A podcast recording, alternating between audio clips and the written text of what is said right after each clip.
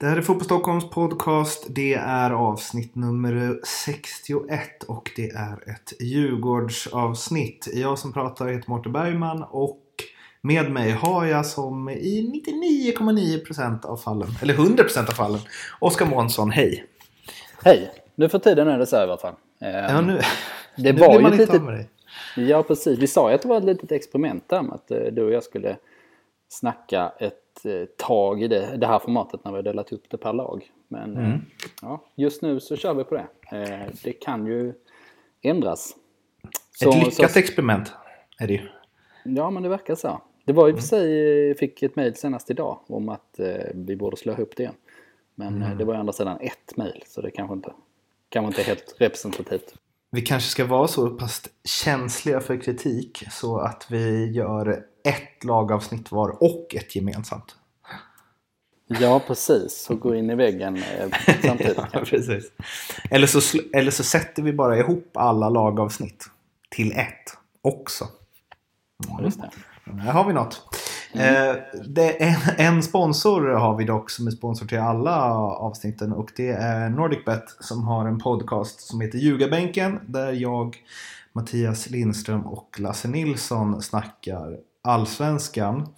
Så den får ni ju himlars eh, gärna gå in och lyssna på. Och i det senaste avsnittet så kommer vi in på Djurgårdens match mot eh, Falkenberg där Lasse Nilsson beskriver Buya Turais mål på ett eh, himla fint sätt. Han sa att eh, det är som att Buya har liksom tröttnat på att, att det inte blivit mål. Och att han bara, äh, nu, nu bara gör jag det själv istället. Jag skiter i det här. Ja, han har det lite i sig. Ja. Han är ju Att- den spelaren som är som bäst en mot fyra. Var det ju någon som beskrevs när, när Djurgården eh, värvade honom. Och det var ju den mest träffade beskrivningen jag någonsin sett. För att då har jag ändå sett, jag hade ju sett Buja ganska mycket i AFC. Och eh, han hade ju varit helt briljant i vissa sekvenser. Och alla de var en mot fyra. Ja, men det var ju också att det är därför han passade så himla bra i AFC och så här Dalkurd för att hans lagkamrater var ju inte så bra. Så det var helt lugnt att köra en mot fyra. Det var oftast det bästa beslutet han kunde ta. Ja, han var ju totalt avgörande eh, när han var i AFC. Ehm, Det var liksom eh, otrolig klasskillnad på de lagen eh, när han var med och när han inte var med. Det var ju lite som när man lirade juniorlaget och man hade en snabb kille på topp liksom. Som var lite bättre än de andra. Eh, Men- rikt, riktigt den impacten har, inte, har han ju inte i Djurgården. Där finns ju dessutom en, ett komplement just nu, eller ett alternativ som vi ska komma till. Ja, men, men det var ju en grej med Boja innan. För den... Eh, det enkla var ju att säga att när han kommer till ett bättre lag så kommer han göra ännu fler mål och vara ännu bättre och så. Men det är ju inte riktigt så.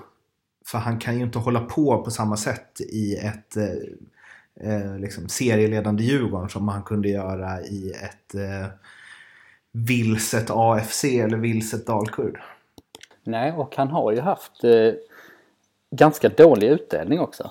Vilket är intressant. Eh, ja, nu, nu har ju folk liksom eh, det här fantastiska målet mot Malmö och detta ännu mer fantastiska målet som båda var matchavgörande på, på, näthinnan såklart. Men om man ser på hela säsongen så har han ju haft eh, ganska blött krut i bössan när han burnade runt som vi snackade om. Liksom, hans stora bidrag har ju liksom främst varit det här eh, otroliga löpkapaciteten och eh, att han eh, liksom sliter ut varenda backlinje och att han själv aldrig liksom tröttnar eller blir skadad eller, eller något sånt där. Men eh, nej, utdelning är egentligen ingen vidare. Man ser till att han har varit eh, liksom första valet och han spelat hela matcher i laget som, som leder serien.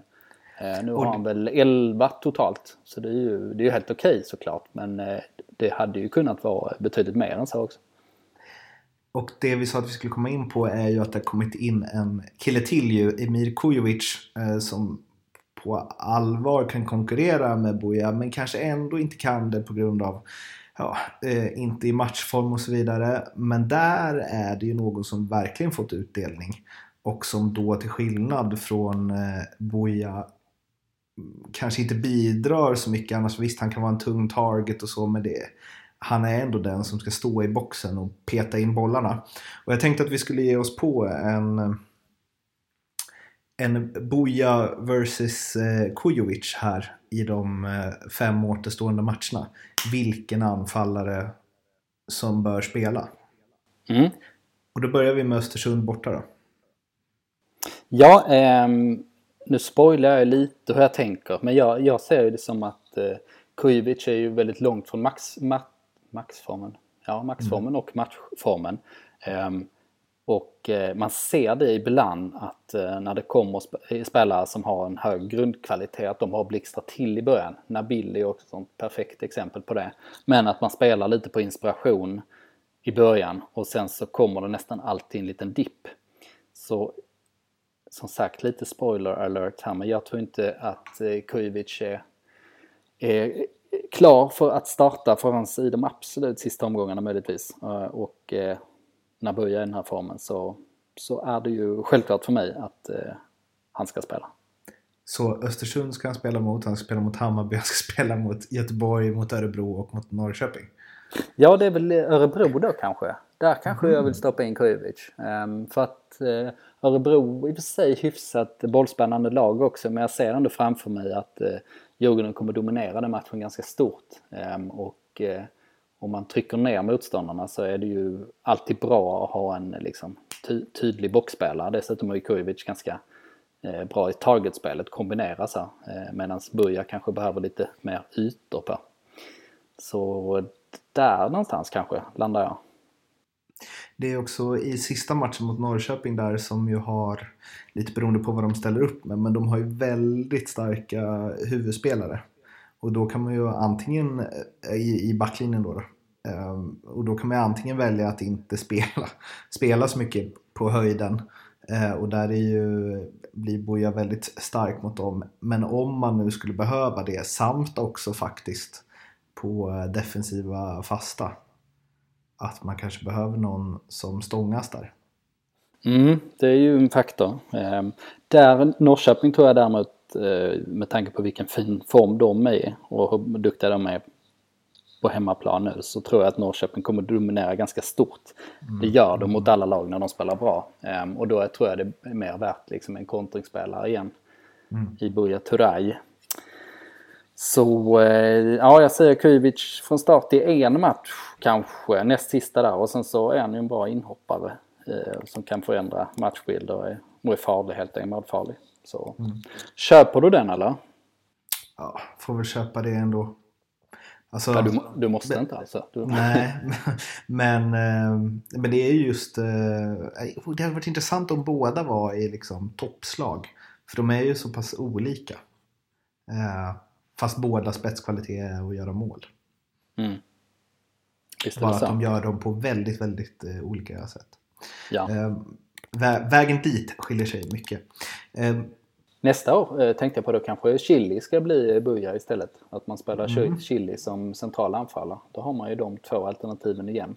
Eh, och då kanske Kujovic är första namnet då om man får en bra försäsong och så. Kommer tillbaks till gammal, gammal god form. Men på tal om form då. Djurgården eh, vann ju som sagt mot Falkenberg med eh, 1-0 och det var ju egentligen bara en tidsfråga om när det målet skulle komma som Buya Turay gjorde. Det innebär att på de 17 senaste matcherna har Djurgården alltså 14 vinster, 1 kryss, 2 torsk.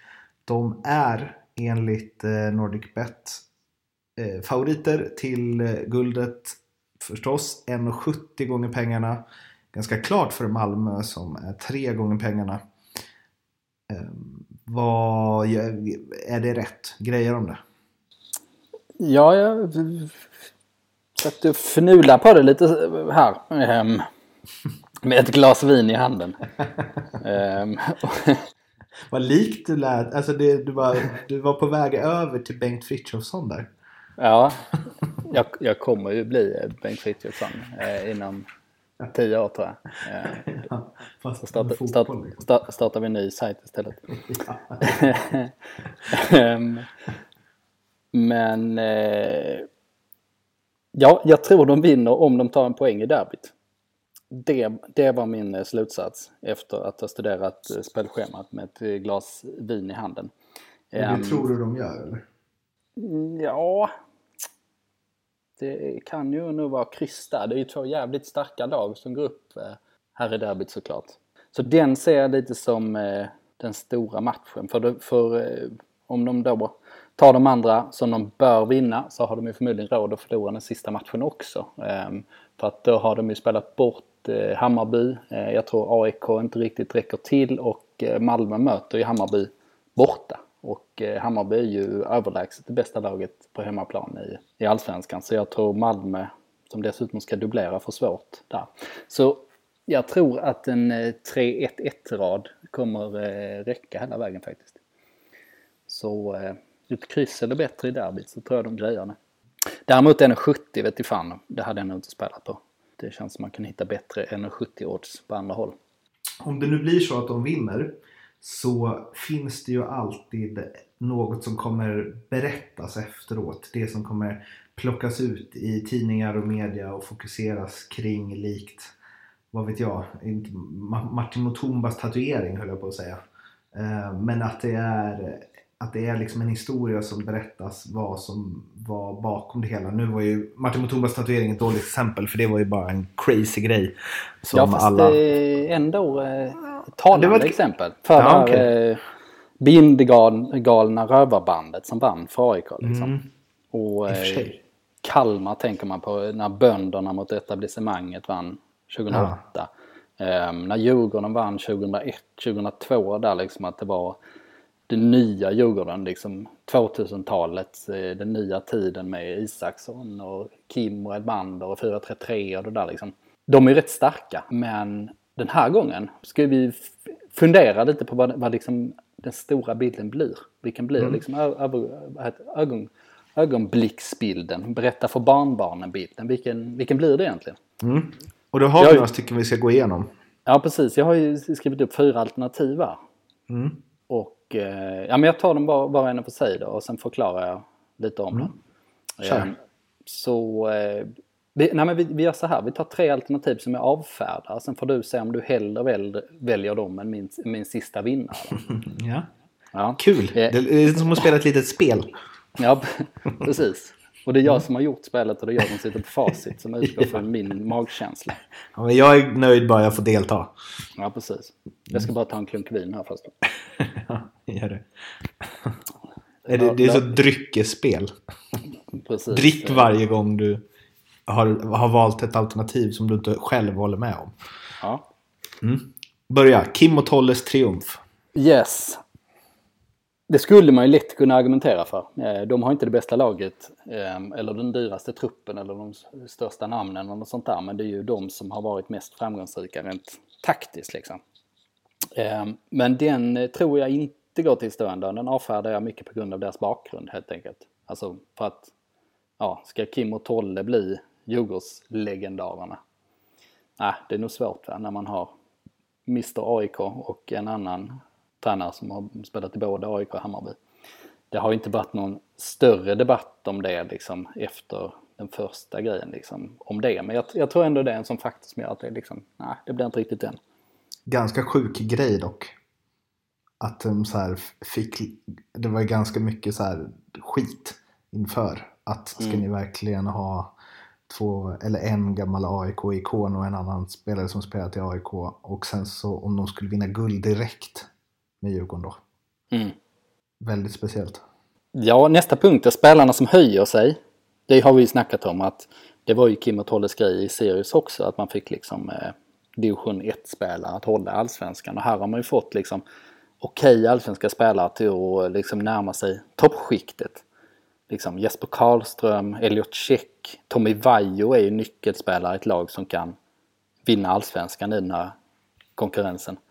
Mm. Det är ju verkligen något som sticker ut liksom. Och, och eh, gamla guldhjältar får en viss status. Alltså 94-hjältarna tänkte jag på.